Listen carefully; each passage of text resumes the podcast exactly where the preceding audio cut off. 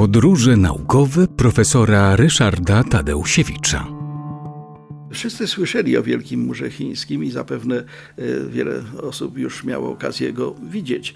Natomiast może warto przytoczyć parę faktów na temat tej niezwykłej budowli, e, którą miałem okazję zwiedzać, e, którą odwiedziłem i, i spacerowałem sobie po tym murze. No i byłem zachwycony samą koncepcją i samą konstrukcją tego wielkiego muru.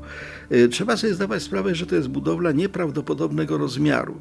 Ma, jak policzyć wszystkie fragmenty, fragmenty tego muru, sumarycznie 8800 km, więc ogromna ilość, z czego 6200 to sam mur, natomiast reszta to było łatane tam przeszkodami naturalnymi, to znaczy rzeki, y, urwiska skalne, no po prostu wszystko to, co przyroda mogła też stanowić jako przeszkodę do najazdu y, y, Mongołów, czy, czy, czy ogólnie plemion z Azji na Chiny, cywilizowane już wtedy było to, było to zbudowane. To jest bardzo bardzo stara budowla. Pierwsze zmianki są 656 roku przed naszą erą. Pięć wieków przed Chrystusem zaczęto budować to. W III wieku cesarz chiński Qin Shi Huang e, właśnie rozwijał ten wielki mur, przy czym e, tak go intensywnie budował, że podobno ponad milion osób zginęło podczas budowy tego muru, bo mur był ważniejszy niż życie robotników.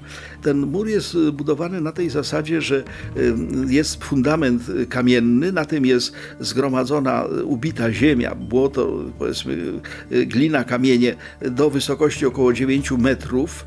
Natomiast szerokość tego muru u, u podstawy to jest 6,5 metra, górą 5,5 metra. No, jest, to, jest to bardzo duża bariera. Wielki mur rzeczywiście jest ogromny.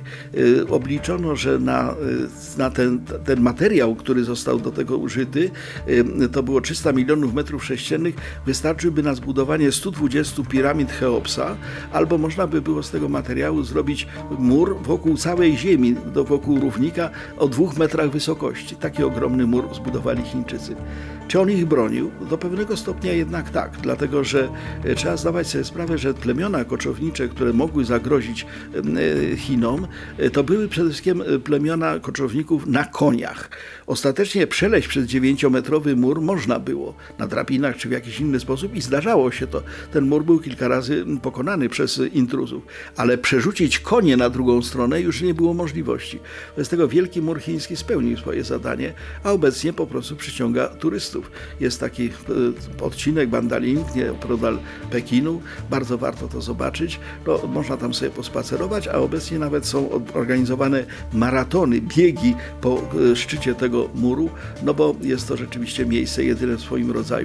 Jeśli tylko ktoś z Państwa będzie miał okazję, Wielki Mur Chiński naprawdę trzeba zobaczyć.